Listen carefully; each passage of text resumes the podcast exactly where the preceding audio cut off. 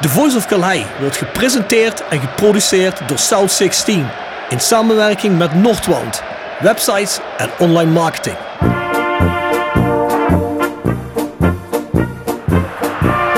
René van de Kerkhof, kom! Het hoofd van Danninga, het is het doelpunt! Het is het hoofd van het is het doelpunt! Het is 1-1 in de 36e minuut. drink dan eerst gezellig een kopje koffie, praat met wat mensen.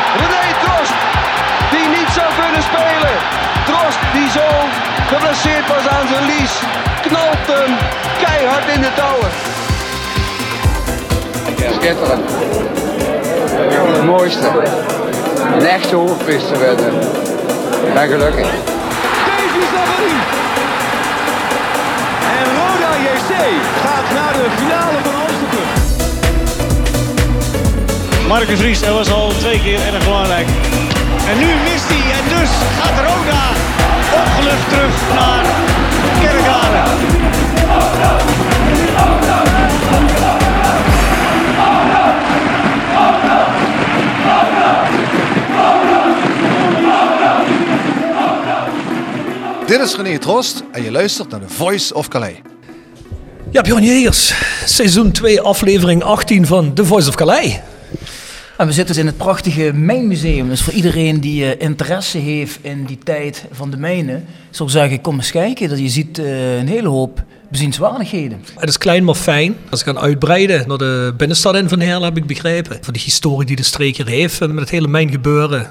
Moeten mensen toch geen kunnen gaan kijken. Het is toch een gedeelte wat ook een beetje genetisch in ons zit. Hè? Het ligt bij Carbon 6 in Heerlen, dus eh, Ja. makkelijk te vinden. Het zit onder die eh, oranje, oranje Nassau-letters die bij het spoor staan, die iedereen wel kent. In dit schachtgebouw zit het museum, en daar zitten wij ook nu. En Bjorn, we komen er wel eh, misschien tikkie laat mee, maar van tevoren hebben we het eigenlijk nog niet kunnen bespreken. Diego Armando Maradona, overleden. Ik kan me herinneren, we zaten net bij Mario Eleveld. In Koppers. In Koppers.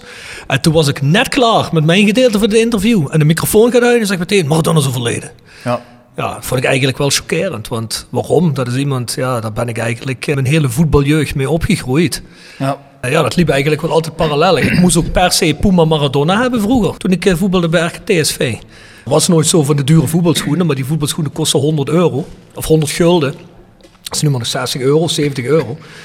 En dat was toen best veel geld, want dan groeide je binnen een jaar of twee jaar uit. Ik was een jaar of 13, 14, maar die moest ik per se hebben, want ik was best wel fan van Diego Armando Maradona. Zijn persoonlijk leven was omstreden, maar wat die man betekend heeft voor het hele land en voor zijn stad als Napels, ja, is toch, eh, is toch wel indrukwekkend. Ja, natuurlijk 60 jaar. Dat is eigenlijk veel te jong om te overlijden. Maar ja, van de andere kant, als je naar hem keek en ook die documentaire op Netflix, Maradona en Sinaloa, ja, dan zag je natuurlijk wel dat het qua gezondheid niet overhield. Hij had natuurlijk een levensstijl met de cocaïne, wat je natuurlijk sloopt. Maar ja, natuurlijk een, een heftige gebeurtenis. Maar wat ik nog heftiger vond, eerlijk gezegd, de afgelopen week dat ik las dat de hooligans van Boca Juniors die eh, gasten omgelegd hebben. Nee, die, dat is een eh, gerucht. Dat schijnt niet te kloppen. Niet te kloppen. Nee, dat schijnt niet te kloppen. En die Dat- filmpjes staan op Nee, ja, jij als goede advocaat zou moeten weten dat dat niet duidelijk herkenbaar is volgens mij. En dat je dan ook niemand... eh, maar dat schijnt gewoon niet te kloppen. Want ken Hoe weet, je, hoe weet je dat dan? Nou, ik ken een paar jongens van bij het voetbal uit wat harde kern in Duitsland. En die hebben connectie naar Argentinië toe. En die zeiden van het is absoluut niet waar.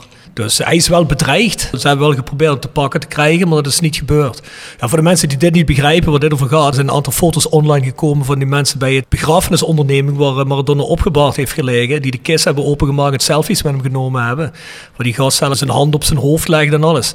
En dat is ja, door de, de harde kern van Boca Juniors, eh, waar Maradona niet een half god is, maar een god is. Ja, is dat niet een dank afgenomen. En er verschenen toen wat filmpjes dat er iemand gevonden werd in een afvalcontainer. Ja. Vermoord, maar dat schijnt toch niet eh, helemaal te kloppen. Ja, ik vond het wel aannemelijk toen ik het zag. Het had me niet verbaasd als het wel geklopt had. Luister, de passie in dat soort landen voor dingen, die zijn ongekend. Zit hier in het Europese wel eens over voetbalgeweld hebben. Op de tribunes. Nou, dan zou je eigenlijk een keer in Zuid-Amerika moeten gaan kijken. Ja, dat is dan wel tien keer erger. Dat is allemaal eh, nog zoals het hier eind jaren 70, begin midden jaren 80 was. Zo is het daar nog elke wedstrijd. Daar is eh, weinig maat op. Maar zoals gezegd, eh, Diego Maradona, ja. Ik denk dat mensen die niet aan de rijke kant van de samenleving zaten, zich wel konden identificeren met hem. Met al zijn fouten en met al zijn talenten. Dus jammer, te vroeg gestorven. Past ook perfect bij Napoli wat dat betreft natuurlijk. Ja, als iemand ooit eens in Napels is geweest, dat is eigenlijk wel een stad van extreem. Hè. Er is ook veel armoede, veel mensen die aan de armoedegrens leven. Die, hij zette zich daar gewoon altijd voor in en hij had er altijd een stem voor. Hij identificeerde zich ook enorm met de mensen die eigenlijk aan de lagere kant van de samenleving zaten. Hij maakt een extreme volksclub met een aanhang die ook niet al te rijk is. Maak je twee keer kampioen, terwijl ze nog nooit kampioen zijn geweest. Je wint een Europa Cup, wat ze ook nog nooit hadden gedaan. En je doet dat eigenlijk min of meer. Ja, ik wil niet zeggen je eentje, maar je bent toch de grote drijvende kracht erachter. En daarna maak je een land, wereldkampioen ook nog, bijna ongeveer in je eentje. Hoor wel eens mensen schande spreken over die hand van God. Dat Hens doelpunt tegen Engeland toen in de kwartfinale. Maar ik vind dat zo perfect bij die gas passen. Ik vind dat... eh, ik bedoel, met de VAR zou je het niet meer kunnen doen nu. Maar, maar dat dat toen niet gezien is, ja, het is... eh, ja, zoals gezegd, het zijn van die dingen, dat door onthoud je hem wel. Andere mededelingen. Mensen, ga ook naar wijzijnroda.nl, website waar wij een aantal dingen mee doen en ook nog mee gaan doen in de toekomst. Daar kun je deze podcast ook via de website streamen. Hun hebben ook een prikbord daarop. Ik weet niet of de mensen dat kennen, maar het Roda prikbord. Heet dat officieel het prikbord? Of hoe heeft dat een wel naam? bekend onder het prikbord, ja. Ja, dat wordt ook gerund door wijzeroda.nl. Het zal eh, een reeks van de luisteraars bekend zijn. Dus ga daar eens kijken. ik weet niet wat er met mijn stemmen aan is. Nou, de eten Bjorn. Ja, je hebt ook pittig eten, daar krijg je ervan. Nee, het was niet eens pittig, dat is het. Maar ja, goed, maakt niet uit. Nou, we hebben nog Klugolf bier. Daar hebben we al een hele hoop van verkocht. Maar ik heb vandaag de uiteindelijke aantallen doorgekregen. En er is toch iets meer gebotteld. Dus iets meer in de fles gekomen dan we vermoed hadden. Dus ik heb nu niet maar nog 30 flessen over, maar 70. Dus het is nog te krijgen. Het was een toevallig voordeeltje. Dus eh, mensen die het nog willen hebben, kunnen bestellen via de shop. Of gewoon een berichtje sturen, mag ook naar de Voice of Calais. Ja, en dan zoals gewoonlijk, Roda 1962. Bjorn, leg eens even twee zinnen uit. Ja, het allerbelangrijkste is en blijft gewoon dat als de vereniging Roda 1962 duizend leden heeft, dan komt er een heel belangrijk recht, een vetorecht. En eh, dat houdt in dat de leden van die vereniging tegen een fusie kunnen stemmen. Of als de club in een andere plaats zou willen spelen. Of opeens in het roze wil spelen en niet meer in het geel-zwart. Dan is daarvoor de goedkeuring nodig van die vereniging. Dus als jij zegt van nou ik wil nooit meer in de toekomst eh, geconfronteerd worden met een mogelijke fusie. Ja, dan moet je lid maken van die vereniging. Want als het nog een keer ter sprake zou komen, kun je dan in ieder geval je stem laten horen. Ja. Vers gebrande pinda's. Wordt gepresenteerd door Hotelrestaurant de Veilerhof. Boek een overnachting of ga heerlijk eten in het mooie bergdorpje Veilen. Voor boekingen ga naar www.veilerhof.nl. En Torapi Autodemontage aan de Locht 70. Voor al uw auto-onderdelen en het betere sloopwerk. Al 40 jaar een begrip in kerkrade. De prijsvraag. Ja, de mensen die de afgelopen weken gewonnen hebben, die worden gecontacteerd. We krijgen regelmatig insturingen voor de antwoorden, dus blijf ook insturen. We hebben ook vandaag weer een prijs. Dat zijn twee tickets voor het Mijnmuseum hier. Die zijn niet gedateerd, dus je kunt hierheen komen wanneer je wil. Het is leuk om te bezoeken, dus kom daarheen. We zijn bij Roda altijd bezig met Koempelclub en Mijnverleden, dus eh, kom eens een keer echt kijken naar je Mijnverleden. En je wint ook een Roda-sjaal van Fandom. Dus stuur die antwoorden in. Wat is de vraag dan? Nou, welke drie ex-Roda-spelers, ex- eh, of huidige Roda-spelers, zijn voor fan André Hazes fan? En als je nou heel vaak naar de podcast hebt geluisterd, dan zou je het eigenlijk precies moeten weten. Maar misschien moeten we twee ook goedkeuren. Nee, ik keur er niet twee goed. Nee? Nee, drie. Dus, dus als er dadelijk drie man reageren en eentje heeft er twee goed, dan heeft niemand hem gewonnen. Nou, kijken we alsof we de hand over het hart strijken. Maar luister, drie moet je weten. Dat moet je weten. Is allemaal ter sprake gekomen. We doen het voor de loyale maar luisteraar. we willen natuurlijk ook dat iemand getrokken wordt door je vriendinnen. Oh, oh, oh, oh. Mijn vrouw bijna, hè. Dus, eh, Ja, gaat het gebeuren? ja, ja, morgen, hè. En hè? Ja, voor de wet. Oh, Ja, is coronatijd, kan niemand uitnodigen. Dus, in eh, Duitsland. in Duitsland, ja. Kijk aan. Ja, mensen, als je geïnteresseerd bent in zo'n mooi Voice of Calais shirt, heb je die shirts bij je? Heeft Mart er ooit in gehad?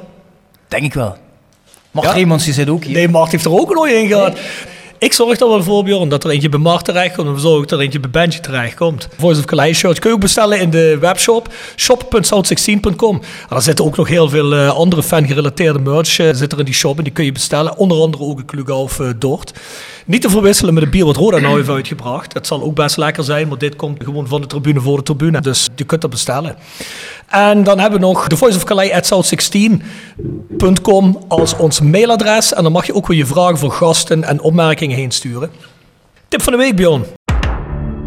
Tip van de week. Gepresenteerd door Jegers Advocaten.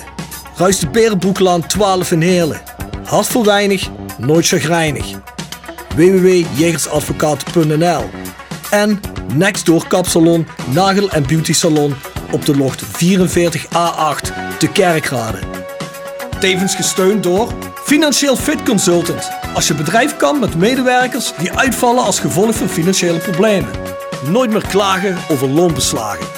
Schrijf naar charles.duurzaambewind.nl Hey, moet ik even naar jou doorschuiven, Rob? Want ik ben even inspiratieloos, moet ik Ja, die van mij is heel simpel. Je kijkt gewoon alles wat met Maradona te maken heeft. René van der Gijp zei het mooi op uh, VI van de week. Die zei, ik heb gewoon negen uur Maradona gekeken nadat ik dat nieuws hoorde. Zeker voor de jongere generatie die nooit Maradona live heeft zien spelen. Dan wil ik niet zeggen, ik heb nooit in het stadion zien spelen, maar wel live wedstrijd op tv.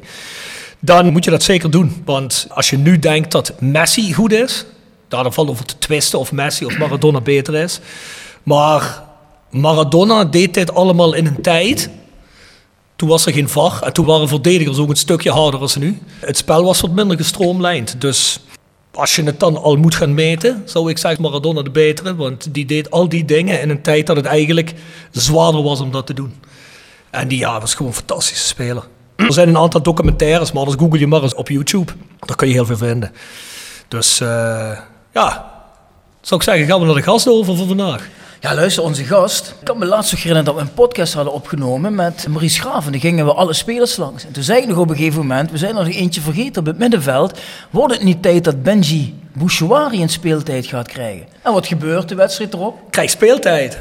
Denk je dat dat onder invloed van ons was? Nou, ik denk wel dat Jurgen Streppel geluisterd heeft en dat hij gedacht heeft van ja, verdomme, anders krijg ik dadelijk zeik met de jongens van de podcast. Dus ik ga die Benji maar erop zetten, denk ik wel.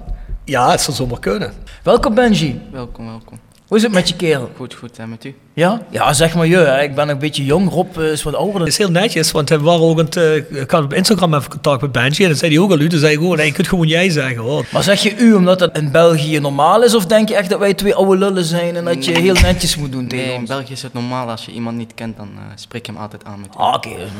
Okay. Zodat je denkt, van die twee opa's moet ik uh, heel beleefd nee, tegen zijn. Nee, oké, okay, dan is het goed. Ja, maar dat heb je in Duitsland ook. Hè. Dat heb je ook zie en doe. En dan moet je de jij-vorm, dus de meer persoonlijke vorm, moet je ze aanbieden. Dan zijn er allemaal van die sociale protocollen voor.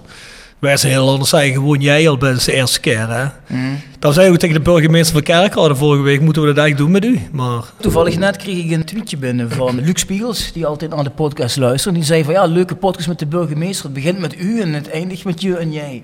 Ja, op een gegeven moment sluipt dat erin natuurlijk. Ja, ik denk dat als Nederlanders gewoon een beetje gemakkelijker aan zijn. Ah, dat maakt het niet uit. Ja, Benji, deze zomer kom je naar Roda. Ja. Hoe bevalt het je bij de mooiste club van het zuiden? Uh, bevalt goed, bevalt goed. Uh, ik heb het echt naar mijn zin en uh, ik hoop dat, het, dat ik me echt erg goed ga voelen. Dat ik me goed zal blijven voelen hier. Ja, je hebt nu een aantal inzetten gehad onder Jurgen Streppel. Ja, dat moet toch goed zijn voor je zelfvertrouwen, denk ik. Ja, zeker. zeker. Het is altijd fijn als je vertrouwen krijgt van de trainer. En, doet me goed, ja. Voelde je dat aankomen dat je ging spelen? Wat was het tegen MVV, geloof ik, hè? Ja, de trainer kwam naar me toe en hij zei dat hij uh, me misschien uh, een basisplaats zou geven. En, uh, maar hij was er nog niet helemaal uit. En hij zou me de volgende dag vertellen, maar hij had het niet verteld. En moest ik wachten tot voor de wedstrijd. En uiteindelijk mocht ik spelen en was goed gegaan, denk ik. Ja, dat denk ik ook. Ik denk dat heel veel mensen positief waren. Zeker weten, ja. Het was een verademing om te zien. Benji, hoe kwam je nou eigenlijk bij Roda terecht? Je bent deze zomer gekomen. Deze zomer, ja. Kom meteen even een vraag meer op. Ja, doe dat Want maar. anders uh, vergeten we dat. Pim Iding, die stuurde een vraag in voor Benji Bouchouari. En die wilde graag weten, waarom ben je weggegaan bij Fortuna? Um, ik, uh, ik ben uh, vertrokken bij Fortuna omdat ik... ik wou graag met het eerste meedoen. En Kevin Hofland vond me in de tijd een goede speler. Maar hij zei dat ik fysiek nog tekort kwam. En uh, ik wist wat ik kon en uh, ik, eh, ik wist dat eh, nog een jaartje bij Fortuna onder 21 blijven was, eh, was niet, echt, eh, niet, niet echt iets voor mij. En eh, vandaar dat ik eh, naar Roda ben gekomen. Hoe is het contact met Roda eh, tot stand gekomen dan? Eh, via Danny Volkers. Die kende je Ah ja. Eh, ja, die kende mij via een, eh, een collega van hem en eh, zo ben ik eh, hierheen gekomen. En die wist dat jij ontevredenheid had. Ja, die had het gehoord van zijn collega en eh, ja, toen, eh, toen was ik hierheen gekomen, heb ik eh, voorbereiding mee mogen doen met het eerste en eh, ben ik gelukkig hier mogen blijven. En hadden ze je bij Roda dan al een plek bij de selectie van het eerste beloofd? Nee, nee, nee zeker niet. Eh, ik, ik mocht enkel de voorbereiding meedoen en ze zouden zien hoe het ging gaan. En als ik het goed deed, zou ik misschien mogen blijven. En ja, zo is het gegaan. Eigenlijk. Dus het was eigenlijk een testperiode. Het was eigenlijk gewoon ja, een testperiode, maar ik had al eh, getekend bij, eh, eh, bij Roda. Ik had mijn aansluiting al getekend, want eh, het was een onzekere tijd, corona, en eh, ik wou wel zekerheid. Dus eh, ik had Ja, ja. al... Benji zegt, ze vonden hem fysiek niet heel sterk. Nou begrijp ik wel, Benji is niet de grootste, maar als ik hem in die wedstrijden zie gaan... Hij wordt twee keer geel gepakt, hè? Lekker fel is hij wel, dus eh, Hij staat toch wel zijn mannetje, hè? ja. dank. Ja, ja, vind ik wel. Dus, Maar een beetje de belangrijkste vraag, want je zegt net, je hebt getekend, maar je hebt eigenlijk nog altijd geen officieel contract, toch? Ja, klopt. Dat is waar. Want- Maar dat gaat wel gebeuren op korte termijn, mag ik hopen. Ik hoop het. Ik hoop het. Het zou wel mooi zijn, maar eh, ik heb nog niks gehoord van de club. ik las ergens dat ze ermee bezig waren. Nou, wat ik begrepen heb, is dat... Ja, je hebt een hele hoop clubs in de jeugd gespeeld. En dan moeten die clubs allemaal een vergoeding Ja. krijgen. En daar probeert Roda wat te verzinnen Ja. met die clubs. Ja, klopt. Dat is waar, ja. Oké. Ja, goed. Zoals Benji zich op het moment profileert, denk ik eh, dat je toch snel het ijzer moet smeden als het heden is. Ja, dat zeg je goed. Maar ik mag toch ook hopen dat Benji zegt... ik wil per se dat contract bij Roda tekenen. Niet dat je dadelijk eh, snel naar een andere club gaat, hè Benji? Nee, nee, nee. Hebben we een probleem dan? We hebben het net al gezegd, Belgisch kunnen jullie waarschijnlijk ook wel horen aan Benji's accent. Je zegt tegen mij, ik pendel wel eens op en neer naar Antwerpen. Ben je in Antwerpen geboren? Ja, ik ben eh, geboren in Antwerpen. Ik ben daar nog steeds woonachtig, maar eh, momenteel verblijf ik hier in Kerkrade gewoon door de week. En af en toe keer ik terug naar mijn ouders. Ja, ja. Heb je ook nog ergens eh, in de jeugd gespeeld in Antwerpen of helemaal niet? Nee, eh, niet zelf bij Antwerpen, maar eh, ik heb wel in Belgische teams gespeeld. Oké, want ik heb hier staan dat je bij Willem II hebt gespeeld voordat je bij Fortuna hebt gespeeld, klopt ja, dat? Ik, heb, ik was in die tijd bij Willem II, maar ik was niet speelgerechtig. Ik kom uit België, moest je papieren invullen bij de FIFA en was ik niet speelgerechtig, dus mocht ik niet deelnemen aan officiële wedstrijden. En ja, ik heb daar wel gezeten, maar ik was er nooit eh, ingeschreven, zeg maar. Ja, ja, oké. En toen ben je van Willem II ben je naar Fortuna overgegaan en hoe ging dat? Hebben ze je dan gewoon weggehaald? Of? Nee, ik, eh, ik eh, werd benaderd door eh, Fortuna en eh, zij beloofden me wel dat ik zou spelen. Zeg maar dat zij eh, alle documenten zouden regelen en dat ik wel een competitie mocht eh, spelen. Uiteindelijk ben ik daar gegaan, heb ik daar getekend, maar eh, mocht ik ook niet spelen tot januari vorig jaar. En eh, heb ik zeven wedstrijden gespeeld en toen kwam corona en eh, ja, daarna ben ik eh, weer vertrokken. Ja. Oké. Is het dan zo moeilijk om een Belgische jeugdspeler dan aan het spelen te krijgen in Nederland? Of hoe zie ik dat? Ja, in de tijd bij Willem II was ik, had ik een coördinator, maar eh was zijn eerste jaar dat hij zeg maar jeugdcoördinator werd, dus hij had er geen verstand van. ja, en administratie was niet echt goed geregeld in die tijd. En ja, Fortuna eigenlijk net hetzelfde en daardoor heb ik ja, zeker drie seizoenen niet kunnen spelen. Wauw. Dat is echt vervelend. Maar dat is natuurlijk voor je ontwikkeling ook niet eh, super, hè? Ja, vandaar dat ik eh, gewoon eh, wou spelen en eh, daarom ben ik hierheen gekomen. En waar had je van tevoren gespeeld in België? Ehm, zes jaar in Anderlecht en eh één jaartje Genk en twee jaartjes Mechelen. Oh ja, je- heb, je, heb je bij al die clubs gezeten, die Ja, jeugd? ja. Oh, dat zijn toch niet de minst bekendste club in België, hè? Nee, ze hebben wel eh, een goede opleiding en eh, ik ben blij dat ik mijn opleiding daar heb gehad. Ik heb er veel, eh, veel van geleerd. En, Ah, dat is dan ook wel een beetje het probleem waar Jeffrey mee zit natuurlijk.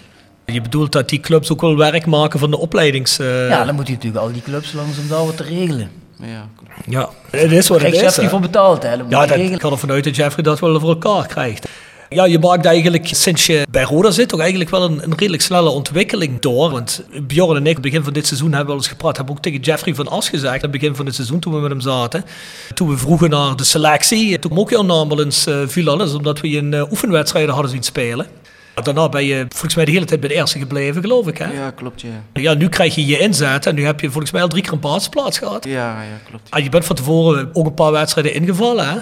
Ja, tegen Fortuna, mijn oude club, en uh, tegen Jong Utrecht, invalbeurt van 10 minuten. Ja, ja okay. kijk. Dus ja. ja, dat is toch voor een speler die jong is en die er zo kort bij zit, is dat toch best wel een snelle ontwikkeling.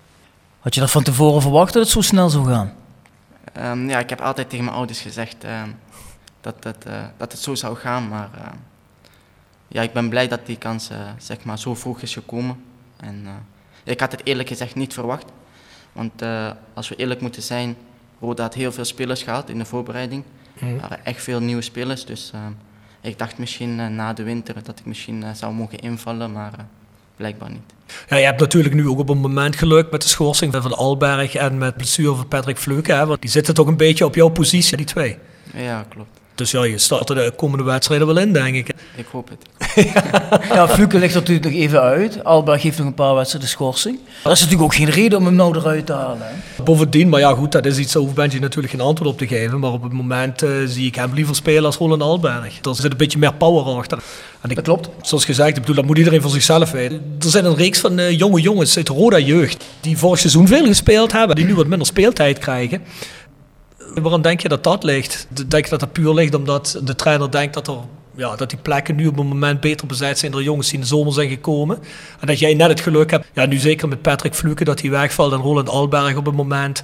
En dat hij ook niet zo zijn vorm had dat, eh, dat je die kans nu wel krijgt. En dat die andere jongens misschien net op posities zitten wel sterker gespeeld wordt. Om eerlijk te zijn, dat weet ik echt niet. Dat eh, Nee, moet oké. ik aan de trainer vragen. Nee, dat is natuurlijk ook een moeilijke vraag te stellen aan iemand eh, in de selectie zelf. Dat is een hè. moeilijke vraag, ja. Ja, nee, maar goed, ik denk wel dat Benji er geluk mee heeft, denk ik. Als ik kijk bijvoorbeeld Ja. als een Nicky Soeren.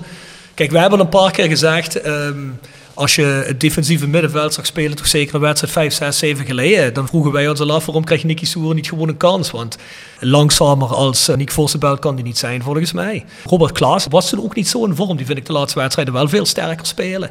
Ja, dan- toen vroegen wij ook al af, ja, zou je dan niet beter zo'n jongen erin zetten? Maar ik denk dat Benji dan geluk heeft dat net op zijn positie dan er net ruimte komt en dus ik kan profileren. Ja, maar ik denk ook wel dat hij het zelf heeft afgedwongen. Ja. in- In de voorbereiding stak hij dat natuurlijk wel ook qua niveau boven die anderen uit. In die zin dat hij echt opviel. Dat heel veel mensen het erover hadden van... hé, hey, wie is die jongen met nummer 35? Die kennen we helemaal niet. Waar komt die vandaan?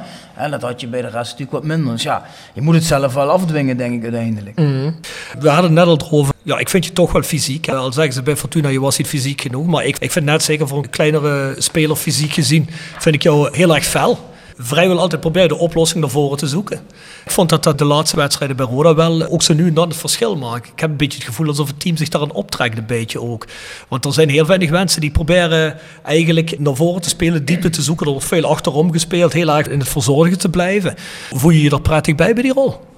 Ehm, jawel. Ik ben sowieso een speler die eh, altijd naar voren probeert te spelen. En eh, ook al gaat het fout, ik blijf gewoon opnieuw proberen. En, eh, kijk, iedereen speelt een slechte wedstrijd. Wij zijn niet eh, Maradona, snap je? Ja, ja. iedereen speelt een slechte wedstrijd en eh, dat zal sowieso in de toekomst gaan gebeuren. Maar ik zal altijd proberen mijn, mijn eigen ding te doen. En eh, ja, het team helpen, dat doe je natuurlijk door eh, naar voren te spelen. Want Mhm. het doel staat naar voren en niet naar achter. Zegt de Ja. trainer dat ook tegen jou van heb gewoon lef en durf? Ja, zeker. De trainer heeft wel vertrouwen in mij. Hij zegt gewoon dat ik mijn eigen ding moet doen. Hij laat mij aan de bal gewoon vrij Hm. naar voren spelen. En ehm, ja, Wat, wat zegt hij dan over de verdedigende arbeid? Ja, die moet je natuurlijk ook verrichten. Die, die mag je niet natuurlijk eh, vergeten. Die moet je, ook, je moet gewoon eh, defensief je werk doen en eh, het team helpen waar nodig. En aan de bal je eigen ding doen. Maar wel in functie van het team niet. Wat kom je nu dan ook regelmatig van de linkerflank, geloof ik, de Ja, ik, laatste heb, ik wedstrijd? heb er hè? eerlijk gezegd nog nooit gespeeld. Was, ehm, tegen Excelsior was mijn eerste wedstrijd in, in die rol. En ja, was wel fijn, want ik mocht naar binnen komen, was een beetje een vrije rol in het middenveld. ehm, achter de linies komen, open draaien als ik de bal heb. Ik, eh, ik vond het wel leuk, zeg maar, in die rol spelen. En eh, ja, ik weet niet. Ik weet niet wat de toekomst gaat brengen. Wat speel je normaal, eh, zeg maar, tien? Nee, normaal speel ik, speel ik op linkshalf. Linkshalf. Ja, altijd. Ik vraag me af, want ik denk dat de trainer het wel moeilijk krijgt als Benji zo blijft spelen zoals hij de afgelopen drie wedstrijden heeft gespeeld. En dan komen Patrick Fluke en Roland Alberg terug. Ja, dan vraag ik me toch wat hij gaat doen. Want Roland Alberg is natuurlijk door zijn routine en door zijn leeftijd en door ja, is ja, technisch natuurlijk heel sterke speler. Ja, en Patrick Fluke speelt gewoon heel erg constant dit seizoen. Wel een van de betere spelers in het team.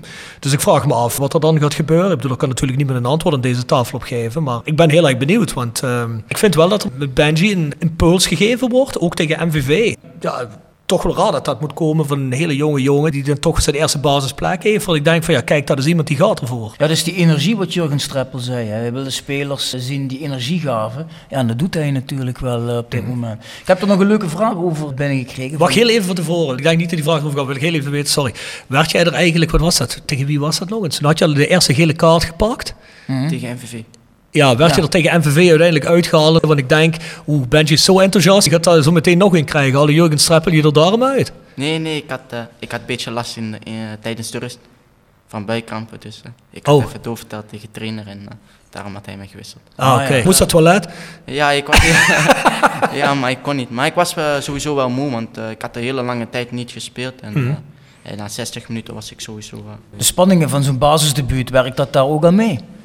Ja, ik was wel gespannen, maar eh, ik heb eh, jongens in het team die me helpen. En eh, zoals Mart, hij heeft me erg eh, geholpen toen ik, toen ik in de basis stond. En hij was in die tijd gewoon in top os, maar ik heb met hem dagelijks contact. En hij zei gewoon doe je eigen ding en weet gewoon wat je kan en voel je vrij. En ja, dat, voelt, dat voelt natuurlijk altijd beter. En als speler zijn als spelers jou helpen. En ja, daardoor was ik meer vrij op het veld en eh, heb ik goed kunnen presteren. Van de fankant wordt dat ook heel erg geapprecieerd. Want je ziet wel dat je met veel enthousiasme en redelijk vrij speelt. En gewoon goed speelt. En met die energie. Ik, eh, ik vind het wel een plezier om mee te kijken. Zeker weten. Even terugkomen op de vraag van de luisteraar Leroy Hollands. Die zegt, beste Benjamin, allereerst mijn welgemeende complimenten voor jouw vorm en inzet. Je komt op mij over als een echte strijder. Het soort dat we graag zien in kerkraden. Mijn vraag is als volgt. Je bent een van de minder grote en fysieke spelers, maar toch krijg je het telkens voor elkaar om ballen te veroveren en mooie kansen te creëren. Wat is het geheim van je speelstijl? Ja, ik heb niet echt een geheim. Ik, eh, ik probeer, ja, ik ben klein natuurlijk, dus, eh, maar dat betekent niet dat je geen duels kan winnen of zo bijvoorbeeld. Je moet, eh, als je klein bent, dat betekent dat je slimmer moet zijn dan anderen. Het spel sneller lezen en eh, ik, ik denk wel dat ik goed ben in, eh, in eh, het spel lezen, weten wat de tegenstander doet. Als hij de bal krijgt, weet ik al meestal van ehm, waar hij ongeveer naartoe gaat draaien. Ik probeer altijd tegenstander te analyseren in de, zeg maar mijn directe tegenstander, wat hij doet in die eerste 5 à 10 minuten van de wedstrijd. En eh, ja, daarna maakt het het eh, sowieso makkelijker voor mij om te spelen. Dus, eh, Zoek je ook, zeg maar, als je bijvoorbeeld weet ik speel tegen Excelsior en ik kom daar misschien vaak de rechtsback of zo tegen, doe je dan ook in de week voorafgaand aan die wedstrijd beelden bekijken van zo'n tegenstander? nee, nee, nee. Nee? Nee, nee, nee. nee. Ik, ja. Maakt niet uit tegen wie je speelt. Ja. Iedereen heeft eh, twee benen, bal is rond, alles kan gebeuren. En, eh, Zeer Cruyffiaanse uitspraak. Ja, zeker weten. Ja. Je weet toch wie Johan Cruijff is, hè? Als je zo goed gaat spelen als Johan Cruijff, zijn we helemaal blij. Ja, had je nog een vraag, Björn? ja, ik heb nog een vraag die daarop aansluit. Dat is natuurlijk van onze goede vriend en vaste luisteraar Koen Landers. Ah, begint u wel met meneer? Ja, uiteraard. Hij zegt in dit geval, beste meneer Bouchouari. dit klinkt misschien raar, maar ik bedoel het als beleefdheid, zegt hij. Ja, dat is heel netjes. Eh, als we je op het veld zien als een enorm jong talent, valt me één ding op. Voetballen kun je zeker, maar de manier waarop je kijkt en voorkomt, totaal geen angst om, voor een tegenstander, groot of klein, prachtig om te zien. Wat dacht je als jonge knul toen je voor het eerst bij het eerste kwam en naast de oudere vedettes van Roda kwam te zitten? Maakt dat indruk op je als je daar naast die oude ervaren jongens zit of voetbal je gewoon lekker mee? om eerlijk te zijn, eh, toen ik in het team kwam, had ik, eh, wist ik niet echt wie, wie de ervaren jongens waren, om eerlijk te zijn, want ik kende niemand. Ik, eh, in het begin eh, keek ik vooral naar eh, Belgisch voetbal en eh, enkel en alleen eredivisie, dus ik keek niet echt naar keukenkampioen-divisie. En, ik, ja, ik wist niet waar ik terecht kwam, maar ja, na een tijdje hoor je natuurlijk wie en wat. En ja, voelt het goed. En, maar ja, je moet ook niet vergeten, ze zijn ook maar mensen, snap je? Dus, Welke ervaren jongens hebben jou een beetje wegwijs gemaakt of onder je hoede genomen? Ehm, ja, iedereen een beetje, maar om eerlijk te zijn van de oudere jongens, ehm, Kees, sowieso de kapitein, ehm, helpt me vaak. Stefano, eh, Roland Alberg helpt me echt eh, heel vaak met alles. Ehm, ook toen ik, eh, toen ik nog geen woning had hier in Kerkrade, heeft hij, heeft hij me daarbij geholpen. En, hij heeft me echt veel voor mij gedaan. En Robert Klaassen ook, ja, Robert Klaassen, tactisch op het veld, buiten het veld. ehm, ja, altijd zorgen dat ik mezelf blijf. En, maar niet alleen de ervaren jongens, ook iedereen gewoon, vind ik. Dus de sfeer is wel goed in de groep. Iedereen wil elkaar wel helpen. Ja, ja, ja, ja. Ja, ja. Als je op het veld staat, heb ik al het gevoel, komt waarschijnlijk door je spelen, dat je toch wel al respect afdwingt bij je eigen team, alsof je toch wat serieus genomen wordt. En je ziet vaak bij teams, als je hele jonge jongens invallen, dat ze zo wel eens iets hebben van, ja oké, die moet zich eerst maar eens eventjes, eh, voordat de wedstrijd begint, zie ik je altijd even die kleine praatjes maken met Sararens.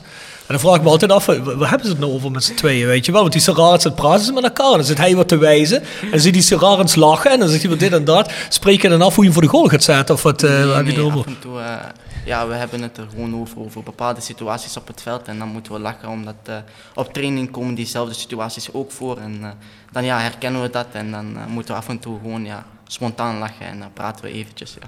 Ik, ik heb dat nu de afgelopen wedstrijd telkens gezien. Dan zoomen ze altijd even in op die jongens. En dan zie ik hem altijd met die Serarens bezig. Ja, ja. Dus ik denk van, als hij komt, moet ik hem toch eens even vragen wat daar allemaal gebeurt. Nee, nee, nee. Wat is dat voor jongens, Serarens? Ehm, eh, ja, fijne jongen, grappig. ehm, wel iemand die hard werkt en ehm, meestal wordt er niet, niet echt gezien van wat hij allemaal doet. Maar ehm, ja, hij is wel een fijne jongen. Hij ontbreekt er wel eh, aan doelpunten. Hij heeft hier nu gescoord zijn eerste doelpunt. eh. ja, een fijne jongen gewoon. eh. ja, hij helpt je altijd. En, eh, Post-match interview, Fox, vond ik hem ook heel goed overkomen.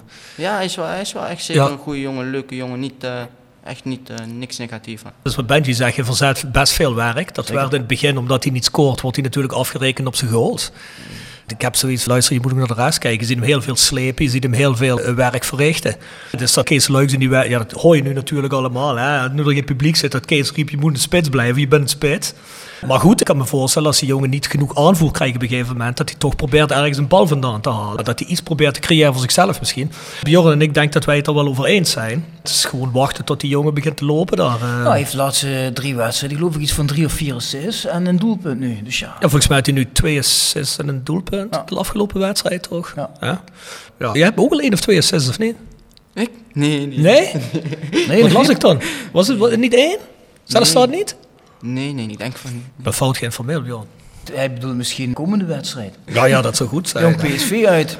Je hebt nu zeven punten uit drie wedstrijden. Tegen NEC natuurlijk heel onfortuinlijk dat je toch nog eh, verliest. Of eh, dat je toch nog gelijk speelt, dat je twee punten verliest, zo moet ik zeggen. Ik heb ook een beetje het gevoel, en dat, dat gevoel had ik heel sterk na de laatste wedstrijd, dat het vertrouwen weer begint te groeien in die groep. Of zie ik dat fout?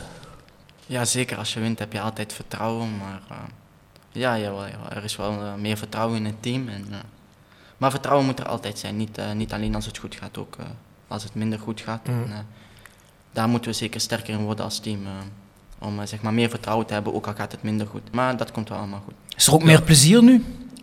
Ja, plezier is er wel altijd. Alleen soms eh, zie je het gewoon niet op het veld. Maar ja, wel, nu is er zeker meer, meer plezier. Ja, maar ik had wel echt het gevoel dat tenminste dat is de vibe, kan er niks wetenschappelijks of feitelijks aan vastmaken. Maar ik heb nu wel echt het gevoel, ja, terugkomen naar die 1-0. We hebben ook wel eens gezien dat het dan steeds maar naar achter gaat en dat het niet meer goed voetbalt.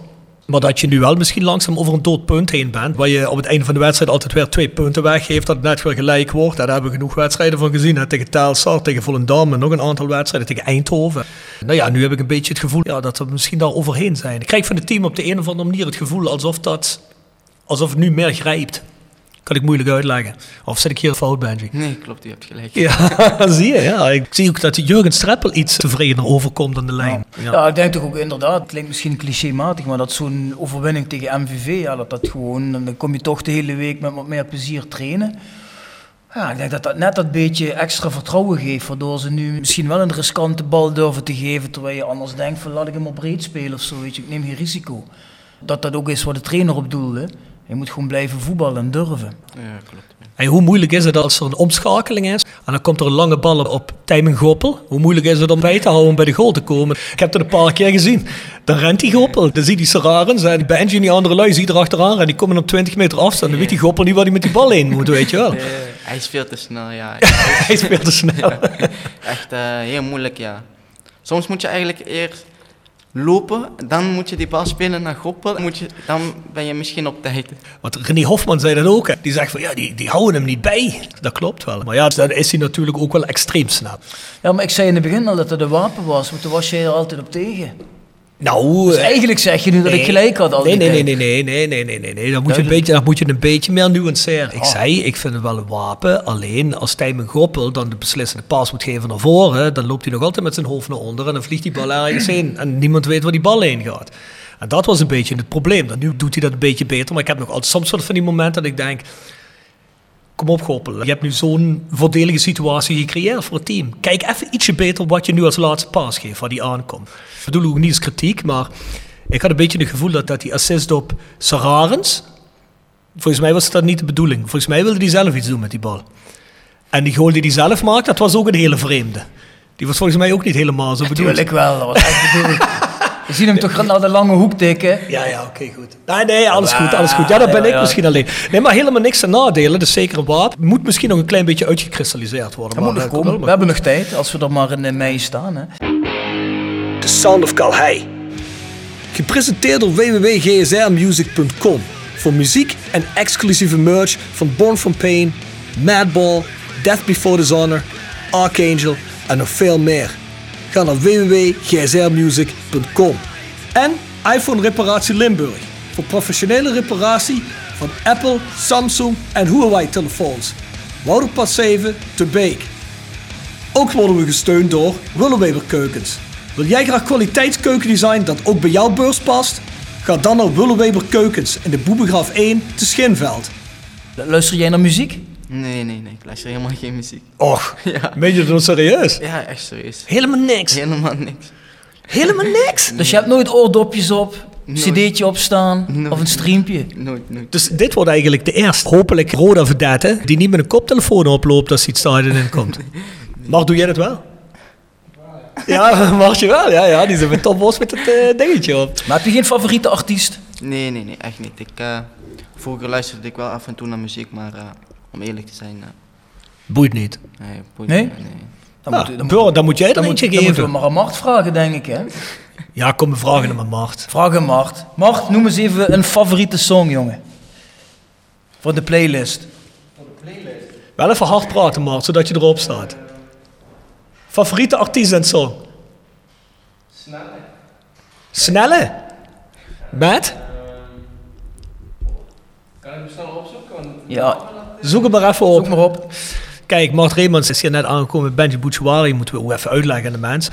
Die heeft Benji erheen gebracht. Vanuit Kerkrade, denk ik. Ja, klopt, klopt. En eh, waarvoor we natuurlijk Mart dankbaar zijn. Want eh, anders dan... eh, Anders heb, was heb ik je, er niet. Heb je zelf een auto of niet? Nee, nee, met de fiets. Ik fiets elke ochtend naar training. Ach zo, had je ook even kunnen zeggen. Want wij waren gewoon veronderstelling dat je een rijbewijs had en dat je gewoon zou komen rijden. dus wij vroegen ons al af. Nee. Ja, heb je hem? Zeg hem maar. Op zoek naar live. Op zoek naar live. Van Snelle. Omdat Benji niet naar muziek luistert, krijgen we een Spotify The Sound of Calais song van Mart Reemans. Op zoek naar live. Goed, komt erop. Alright. Pik ik weer even een vraagje mee van Doe Dien- dat. Dinant Kolen. Die wil van jou weten of jij er voordeel van hebt. Hè, Rode speelt nu best met een hoop eh, ervaren jongens in, in het elftal. Hè. Hebben afgelopen zomer een hoop ervaring gehaald. Heb je daar voordeel van om met ervaren jongens te spelen? Leer je daarvan? Ja, zeker leer je van hun, want ja, ze zijn natuurlijk meer ervaren, ze hebben meer kennis. Ze hebben meer wedstrijden gespeeld dan, eh, dan jou, maar ehm, om eerlijk te zijn, eh, maakt niet uit of ik eh, met Roland speel of met Nicky Soeren speel. Dat, eh, Hmm. Niet echt dat ik er voordeel aan heb. Ik denk dat je er voordeel aan hebt. maar dan zie je coachen natuurlijk. eh, ja, in coaching. eh, bijvoorbeeld als je voor staat en eh, het is nog even te spelen en dat je slimmer speelt. Zulke dingen wel, maar ik bedoel voetballend op het veld. Nee, oké. Niet echt. Nee, dat begrijp ik wel. Hè. Dat is ook met jongens soms met, met trainers. Als mensen vragen, heeft de trainer je nou echt beter gemaakt? Ja, sommige trainers maken voetballers niet beter. Voetballers zijn ook gewoon soms getalenteerd. Zoals ze getalenteerd zijn, dan doet een trainer niet meer veel. Dat is gewoon zo. Ja, maar die kneepjes wat hij net zegt, van eh, even wat slimmer zijn op de juiste momenten, dat zijn misschien net die dingen die je kunt Ja, leren van ja, dat ervaren zeker, jongens. Zeker, ja. Benji, er wordt altijd gezegd, hè, of altijd, er wordt vaak gezegd, hè, jong talent moet je rustig brengen. Anderen zeggen wel, ja, wat goed is, dat komt snel. Ik weet niet of je misschien de samenvatting of misschien de wedstrijd nog terug hebt gekregen, de laatste wedstrijd. Tegen Excelsior? Ja, Die, Eh, jawel, jawel. die commentator van Fox Sports, die was ook heel enthousiast voor jou. En die zei van ja, moet je koesteren, moet je heel rustig brengen, dit talent, heel rustig. En dacht ik van, ja, waarom moet je dat rustig doen als die jongen goed speelt en hij past in het team en dat is een voordeel voor het team, waarom moet je dat rustig brengen? Wat vind je zelf? Als je zelf goed speelt, denk je dan van ja, dat zou ik eigenlijk gewoon... Nee, je moet het anders vragen. Als dus iemand zegt van, talent moet je rustig brengen. Of je hebt zoiets van, nou, ik speel goed, ik zou eigenlijk wel altijd willen spelen als ik de keuze had. Ja, waar kies je dan voor? Ik, ik neem aan voor het tweede, of niet? Ja, zeker. Sowieso het tweede. Je wilt sowieso altijd spelen. En, eh, ja. Maar waarom denk je dat mensen dat zeggen? Je moet hem rustig brengen. Ik bedoel, ik begrijp dat nooit zo. Zijn ze dan toch bang, denk je, omdat... Misschien bang of zo dat, eh, dat het snel eh, minder gaat gaan. Maar Ja, ik denk dat een tegenslag voor een jonge speler altijd wel komt. Ik zeg bijvoorbeeld, Ja, jij speelt sowieso, nu, ja, ja. je speelt nu 20 wedstrijden, super. En ik denk toch dat er dan ooit wel een keer een periode ook komt waar het wat minder gaat. Dat is bij iedereen zo. ja, dan gaan sowieso mensen altijd eh, praten en eh, dat je het niet goed doet. En, eh, maar ja, daar, ik trek me er sowieso niet veel van aan. En sowieso ook als ik goed speel, het is sowieso altijd goed om te horen wat, dat je het goed doet. Maar ik probeer altijd bescheiden te blijven. Altijd, ik probeer niet echt, ehm, echt zeg maar, te, te blij te zijn. Zeg maar. Want ik weet altijd dat het, dat het een keertje gaat komen, ja, dat je minder gaat spelen. Snap je wat ik bedoel? Mhm. Ja, je moet er wel van Beide genieten. voetjes op de grond blijven. Ja, ja. Wel van blijven genieten. ja, blijven genieten sowieso met mijn familie. Ja. Zeker. En als dadelijk nou Alberg op Fluke terugkomt en de trainer zegt, ja Benji, je bent nog jong, hè, je moet weer een stapje terug doen. Kies nou voor de ervaring. Kun je daar dan vrede mee hebben? Of zeg je van, eh, luister, ik heb het goed gedaan, die basisplek is voor mij. Ja, kijk, dat is eh keuze van de trainer en eh, je moet dat sowieso altijd accepteren, maar natuurlijk heb je ook altijd een eigen mening daarover. Maar ehm, ja, ik weet niet, als, als ehm, ik op de bank zou moeten staan, dan zou, ja, dan moet ik gewoon op de bank staan en dan als de kans weer komt, moet ik ervoor zorgen dat ik die kans weer grijp. En eh, ja, het is gewoon aan mij. Dat vind ik een gezond antwoord. Ja, natuurlijk. Dat is het enige juiste antwoord, denk ik. Ja, maar ik denk eerlijk gezegd, heb Joren, zou jij op de plek van Benji zitten, dan zou je ook zeggen, ja, in principe wil ik altijd spelen. Hè. Dat wil elke speler in principe. Er is geen enkele speler die zegt, ik ben gekomen voor de bank. Is ook. Hè. Maar Winston Bogarde wel. Ja, Winston Bogarde, ja. Ken je die? Winston Bogarde, Benji? Dat was een Nederlandse speler, die heeft zelfs een Nederlands elftal gehaald en die zat bij Chelsea of zo. Chelsea, ja, die heeft nooit gespeeld, maar schrik wel ieder jaar een paar miljoen op. Ja, die willen ze eigenlijk kwijtraken. Die zat al volgens mij op een contract van vier of vijf jaar. En heeft gewoon vier, vijf jaar heeft hij gewoon op de bank gezeten. Ja, ja? Die Zelfs niet bij de wedstrijd Die, die kon wel naar andere clubs, maar dan ging hij een stuk minder verdienen. Maar die zei, nee, ik blijf wel bij Chelsea op de bank zitten.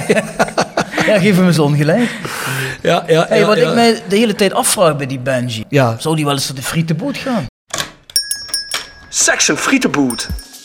Gepresenteerd door Herberg de Bernardeshoeve. Weekendje weg in eigen streek? Boek een appartementje en ga heerlijk eten met fantastisch uitzicht in het prachtige Mingersborg bij Marco van Hoogdalem en zijn vrouw Danny. www.bernardeshoeve.nl En Stokgrondverzet uit Simpelveld. Voor al uw graafwerk, van klein tot groot. Onze gravels staan voor u klaar. Tevens worden we gesteund door Wiertz Personeelsdiensten. Ben je op zoek naar versterking van je personeel? Contacteer dan Wiertz Personeelsdiensten in het PLS en vraag naar Mark of Sean. www.wiertz.com Als hij nu zegt, ik ga nooit naar de frituren, dan geloof ik hem niet. Ga je wel eens naar de frituren? Ja, af en toe. Ja, zie je, dat dacht ik al. Ja, ik heb die Benji. Ja, maar dat is hij daar, echt, dat doet iedereen wel eens. Wat is je favoriete snack, Benji? Dat vraag ik altijd ik ga af iedereen. en toe naar de frituur omdat ik, eh, ja, af en toe, ik moet altijd koken voor mezelf. En eh, soms heb ik, eh, ja, heb ik geen zin om te koken en als we dan een dag vrij zijn, dan koop ik gewoon een friet speciaal. Frietje speciaal? wat, wat, wat, wat, wat koop je er voor snack bij? Niks gewoon. Niks? Geen kipkorn, niks? Nee, nee, niks. Nee, frietje speciaal moeten we opschrijven. ja, ik heb wel eens het gevoel dat die actieve voetballers van de selectie, dat die wel eens bang zijn om te zeggen wat ze eten bij de frituur. We hadden Tijmen Goppel, die bij hoog en laag beweerde dat hij nooit naar een frituur ging. Toen hadden we Patrick Fluke, die zei meteen dat hij naar de frituur ging. Eh, als je één keer naar de frituur gaat en je bent sowieso, je traint elke week vijf keer, dat gaat niks doen. Ik eh, zeggen, dat doet toch niks? Ja, maar die jongens die weten dat Jeffrey van As luistert. Die- zijn bang dat ze straf krijgen. Die telt straks op, die zegt in de podcast gehoord dat je twee keer per week dat je een kipkorn eet en een friet speciaal. Nee, nee, nee, nee, nee. Eén keer, één keer in de drie weken friet. Dus Benji, friet speciaal, geen snack. Geen snack, geen snack. Nee. Oké. Waar woon je in Kerkrade? Ah, ja, je hoeft geen adres te zeggen, maar woon je in Kerkrade Centrum Kerkrade zelf? centrum, ja. ja. Ah, dan ga je naar die frituren bij de bushalte. Frituur trefpunt. Daar is hij dan bij de bus al? Ja, ja, oh, die hebben lekkere frieten. Die hebben lekkere frieten. Fries Speciaal zei ja, ja, ja. Fries Friet speciaal van Trefpunt. Ja, nu hij dat gezegd heeft, moeten die lui eigenlijk de podcast gaan sponsoren. Hè? Dat is Ja, gratis reclame. Dat is gratis reclame. En ik ben bang dat nou al die jonge meisjes allemaal bij Trefpunt gaan hangen. Voor, eh, Ja, ja, ja. Nee, nee, ik, ik kom daar echt eh, bijna nooit echt waar. Ja, dan moeten ja, dan moeten Ja, dan moeten ze gewoon wat langer wachten, Benji. Alsjeblieft, knip die vijf. Laatste vijf minuten. Nee, dat maakt niet uit, Benji. Laat gaan, jongen. Je bent Belgisch, volgens mij. Je roots zijn Marokkaans, denk ik. Hè? Ja, ja, klopt. Ja, heb jij alleen een Belgisch paspoort? Nee, ook een Marokkaanse paspoort. Ja, ik vraag dat omdat je veel van die jongens hebt in Nederland die ook Marokkaans en Nederlands paspoort hebben. En op het moment dat ze dan geselecteerd worden voor nationale elftal, dan moeten ze een keuze maken. Ja, en wat voor keuzes maken? Dat is hun keuze. Mijn vraag aan jou is, want eh, wij zien jou natuurlijk als toekomstig international. Als jij nou de keuze had, zou je dan liever in een Belgisch elftal spelen of zou je dan kiezen voor je roots, voor Marokko? Ik zeg je eerlijk, het is heel moeilijk om daarover na te denken, want ik... eh, Omdat je nu die keuze niet hebt? nee, omdat ik nog niet echt eh, in de top, in de top ben van mijn eh, carrière. Ja. Ik ben nog maar net begonnen, dus het is sowieso raar om daarover te denken. Nee, Oké, maar stel je voor, nu komen de trainers van jong eh, België en, en jong Marokko. Ja, die dat nodigen je natuurlijk allebei kunnen. uit. Waar ga je dan naartoe? Ehm, als België bijvoorbeeld komt, dan kies ik sowieso automatisch snel voor België, omdat ik, eh, ik heb hier mijn, eh, mijn opleiding gehad, hier mijn school gedaan. eh, Mhm. Ik heb hier heel mijn leven zeg maar, doorgebracht. En, Mhm. eh, maar komen ze niet en komt Marokko, ja, waarom zou je niet gaan voor Marokko? Tuurlijk. Oké. Ja. Ja, maar dat lijkt mij ook een moeilijke keuze hoor. Want als ik nou mijn hele leven lang, ik zeg maar iets, in eh, weet ik veel waar, in Mexico had gewoond. En ik ben er geboren en ik heb een dubbel paspoort. Of voor mij in Marokko of Algerije, maakt me niet uit. Als dan een Nederlandse elftal komt, dan zou ik toch... Veronica Inside. Ze zijn altijd het zeuren. Ja, weet je wel, Marokkaanse jongens moeten altijd voor Nederland kiezen als ze hier een Nederlandse opleiding hebben genoten. Maar ik begrijp dat best als je voor je roots kiest hoor. Nee, vind ik ook niet. Ik, denk dat je moet kiezen wat je hart je ingeeft. Ja, dat vind ik het meeste ook. gevoel bij Ja, dat vind ik ook. Ja, dan heb je weer zo'n situatie als bij zo'n Ziyech, hè, waar dan een bondscoach gewoon zijn werk niet goed doet, die liever voor Nederland had gespeeld. Ja, dan ben je het gewoon zelf schuld. Ja. Ja, zo'n speler als Ziyech, die hebben op het moment niet rondlopen in Nederland. Nee, ik kan er zo 1, 2, 3 niet bedenken, nee. Nee, nee. Frenkie de Jong en uh, Jorginho, wil, uh, Jorginho Wijnaldum, die zijn de goed. paai, hè, we hebben maar- wel de paai. hè. Ja, maar ja, de paai, de paai is geen Ziyech. Mm, vind je de, de paai minder dan Ziyech? Ja. Nou, vind ik niet. ja, je hebt zeker dat boek van hem gelezen. Hè? Nou, ik las deze week al wat kritiek van Chelsea-fans op Ziyech. Dat het zwaar overgewaardeerd was. Dus ja, ook Ja, die maar goed, is je- geen Maradona. Nee, maar goed, je, je bent dan ook een Chelsea-fan, daar heb ik al sowieso niet veel mee Ik op. ben geen Chelsea-fan. Nee, maar die jongens zijn Chelsea-fan Oh, die? die? dat zeggen. Hè? Ik vond die Ziyech altijd eh, zo'n traptechniek, die jongen. Die, hoeveel mensen zet hij wel niet vrij voor de goal. En wat, wat voor fantastische... ja, in de, in de omschakeling. Ik vind dat een supervoetballer. Als je de paai in de spits zet, ook goed. Maar eh, hoe vind je Jurgen Streppel als trainer? Om eerlijk te zijn, ja, ik ken hem nog maar net. eh, ik, heb nog maar, ik ben nog maar vier, vijf maanden hier. Maar hij is, eh, hij is een trainer zoals elke trainer die ik heb gehad. eh. ja, hij wil gewoon het beste voor jou. En, Mm. eh, hij, eh, hij, hij probeert jou veel mee te geven. En eh, je moet letten op bepaalde dingen. En eh, dingen die jou goed doet, die zegt hij zeker ook aan vast. Maar dingen die ook beter moeten, dat eh, zegt hij ook tegen jou. En eh, ja, hij probeert jou wel gewoon ehm, ja, rustig te houden met eh, beide benen op, op de grond. En eh, ja, Is hij veel met je bezig?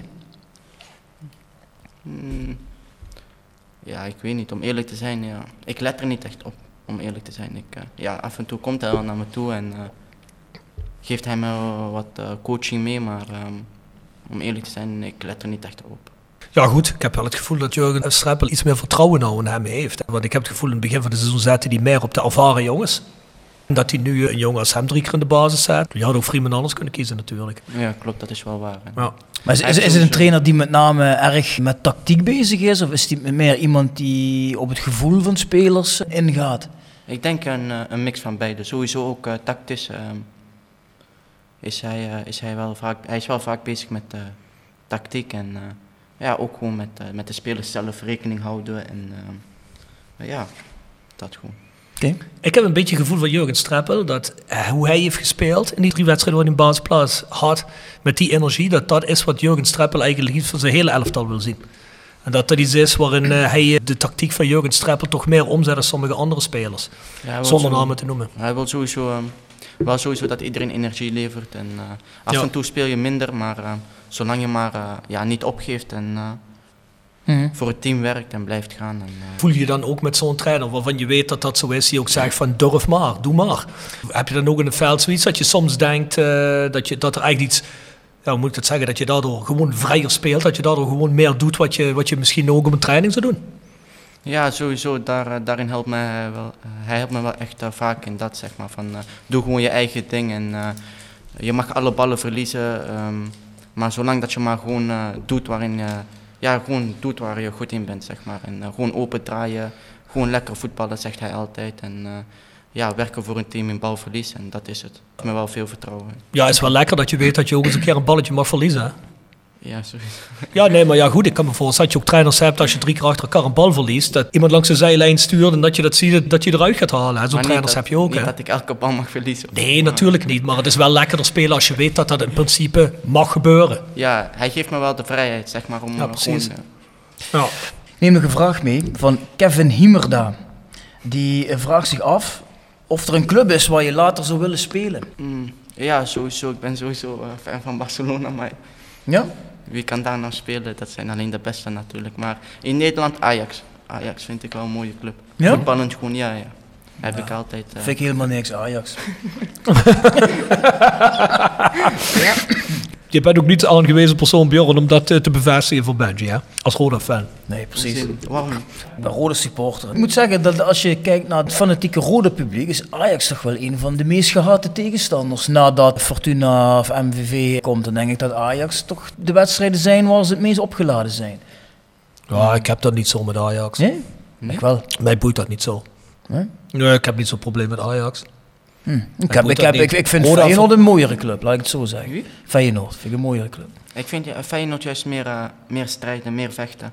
En ik denk als, als voetballer zie je sowieso graag eh, dat andere teams echt voetballen, opbouwen, driehoekjes maken op het veld. Dan, dan sowieso Ajax, niet eh, Feyenoord. Nee?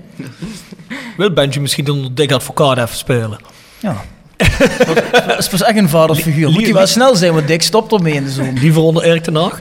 Nee, maar dat kan ik wel begrijpen als je technische voetballer bent, dat, dat je daar liever speelt. Omdat je geboren bent in België, heb je geen Belgische club waarvan je zegt, oh, daar zou ik nog graag voor willen spelen. Mm, ja, op dit moment eh, Club Brugge. Zij zijn echt eh, goed bezig, eh, spelen Mhm. mooi voetbal. Ja, dat is ook wel een mooi team, ja. Van wie was je nou fan in je jeugd? Alleen Barcelona? of- Alleen Barcelona, ja. ja. Ja, nooit een Belgische club? Mm, Nee, niet echt. Oh, in België is het meer echt ehm, afwisselen. Soms heb je een team dat bovenaan staat en het volgende seizoen is het weer een ander team. Is heel, eh, is een moeilijke competitie, eh. Mhm. fysiek, heel fysiek. Ja, wat ze hebben het er nou over dat ze willen beginnen aan een Benelux Liga, hè? Het gerucht gaat alweer. Dus de Belgische clubs en Nederlandse clubs samen. En dat ze misschien een testballon willen oplaten met dat in de beker te doen, te beginnen, geloof ik. Ving ik laatst een gerucht op. Er wordt altijd gezegd dat is minder aantrekkelijk voor mensen als Utrecht Pek Zwolle. Maar ik zal je toch heel eerlijk vertellen. Als ik Roda was en ik kan Roda Club Brugge doen, dan doe ik toch liever als Roda Heracles. Jij niet? Wauw. Laat ik het zo zeggen. Voor mij telt gewoon dat Roda naar het hoogste niveau gaat. En tegen wie we dan spelen, zal mijn worstwezen worden. Ja, dat is een open deur. Dat is het logisch. Dat is wel logisch, maar ik ben niet zo gecharmeerd van een Beneliga. Nee, op zich hoeft dat voor mij ook niet. Maar ik begrijp alleen niet als mensen zeggen, ja, mensen zitten er niet op te wachten. Maar ja, goed, er zit Kijk, niemand- natuurlijk, Er, er als zit ook jij niemand dan- te wachten op Roda Emma. Hè, dus, eh, Nee, maar als jij dan niet bij die paar teams zit wat in die Beneliga mag spelen, heb je natuurlijk echt een probleem. Want dan blijf je hierover met een afgeroomde competitie. Ja, ja, dat is misschien helemaal niet in je voordeel. Ja, ja, dan zijn je topwedstrijd FC Groningen tegen, eh, weet ik veel, Ja. Heerenveen. Precies, dus Ja, ja, nee, dat wil je daar, ook daar ben ik zo fan van. Maar jongens, kunnen we niet gewoon afspreken dat Benji in ieder geval minimaal de komende drie seizoenen nog bij Roda speelt?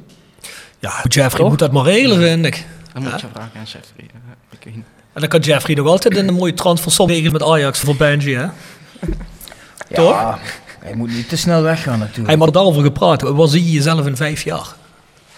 Ehm, dat weet ik eigenlijk niet. Waar ben je nou? 19? Ja, net Net 19 geworden, Ja, hè? ja.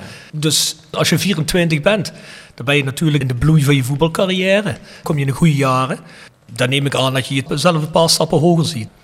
Ja, sowieso. Je wilt sowieso zo hoog mogelijk. Ik weet niet. Eredivisie, hè? Met Roda, hè?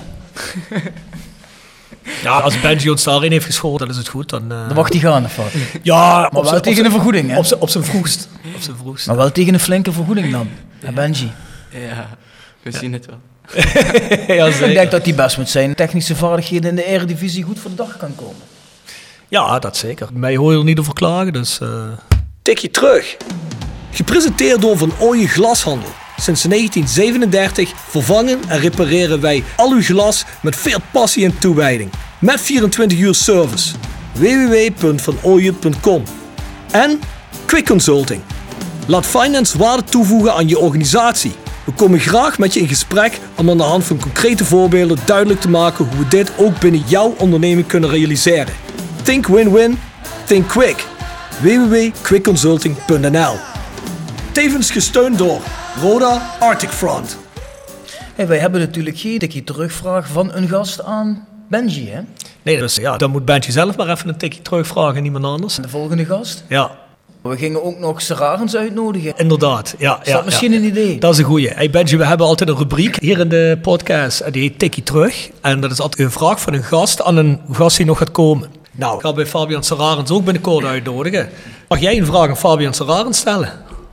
Mag alles zijn. Mag onzin zijn. Mag whatever. Moet... Ik weet het echt niet. Laat me daar AUB even nog over eh, nadenken. Is goed, dat doen we. Benji gaat mij een vraagje eh, op de Instagram DM sturen. Hè, Benji? Oh, is nu klaar het gesprek? Ja. Oh, oké, oké, oké. Of Bjorn, of heb jij nog iets te vragen, Benji?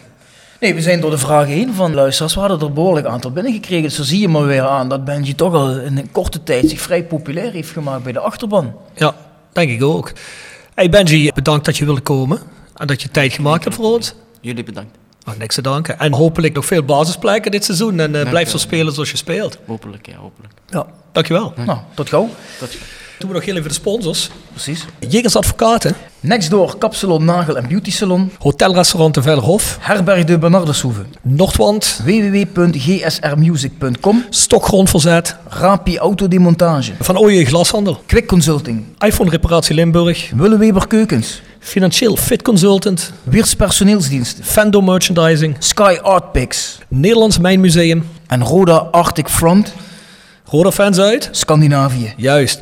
Hey mensen, zijn er nog opmerkingen of vragen? Stuur je mails naar thevoiceofcalhei.south16.com. En tot volgende keer. Tot ziens.